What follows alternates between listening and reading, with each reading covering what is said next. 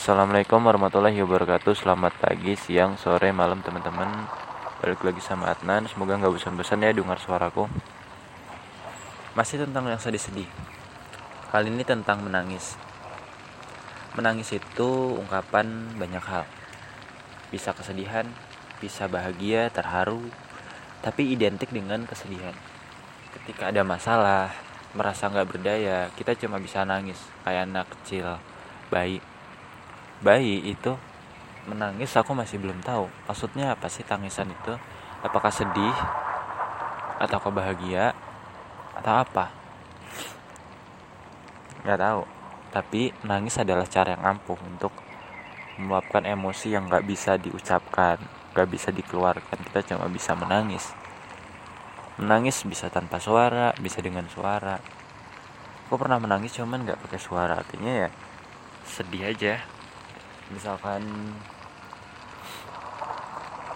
ada seseorang yang aku anggap baik dia meninggal. Kok sedih. Nangis. Nggak berhenti berhenti nangisnya. Akhirnya aku berdamai maafin diri sendiri. Ya udah emang udah waktunya berpisah juga kan?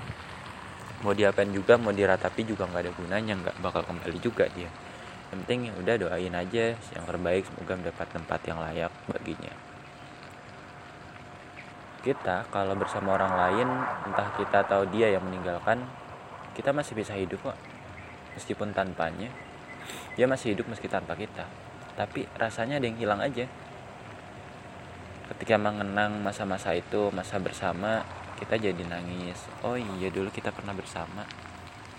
Kita pernah menjalan kan hubungan bareng. Tapi sekarang udah beda ya rasanya kita kayak orang asing. Nggak kenal. Atau kalau ada masalah keluarga masalah akademik kita udah berusaha yang semaksimal mungkin tapi hasilnya sama aja. Kita nangis.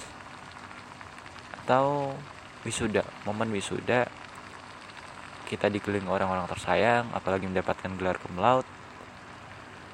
Besoknya ada kabar bahagia kita seneng nangis terharu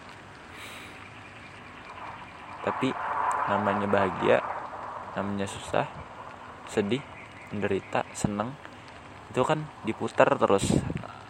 Putaran nasib tuh selalu ada pada diri kita. Kita nggak bisa memungkiri hal tersebut. Kita pasti mengalami. Kita pernah ketemu orang lalu berpisah.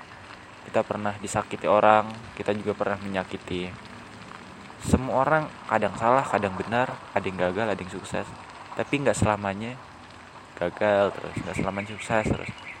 Ada masa dia mengalami semuanya. Cepat atau lambat. Bagaimana kita meresponnya? Entah itu menangis entah itu seneng entah apa. Yang jelas bagiku bagi Adnan menangis tuh adalah luapan emosi terbaik dalam menyikapi sesuatu. Menangis membuat kita tenang, berdamai. Masalah tuh seolah lepas seiring turunnya air mata ke tanah.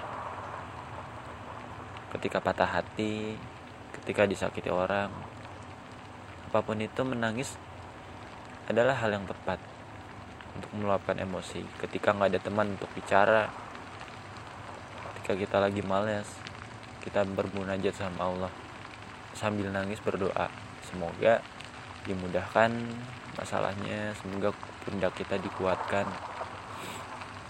Ya semoga insya Allah semuanya akan baik-baik aja pada akhirnya. Buat kamu gak apa-apa nangis kalau ada masalah. Cepat atau lambat itu akan selesai. Yakin aja sama aku. Wassalamualaikum warahmatullahi wabarakatuh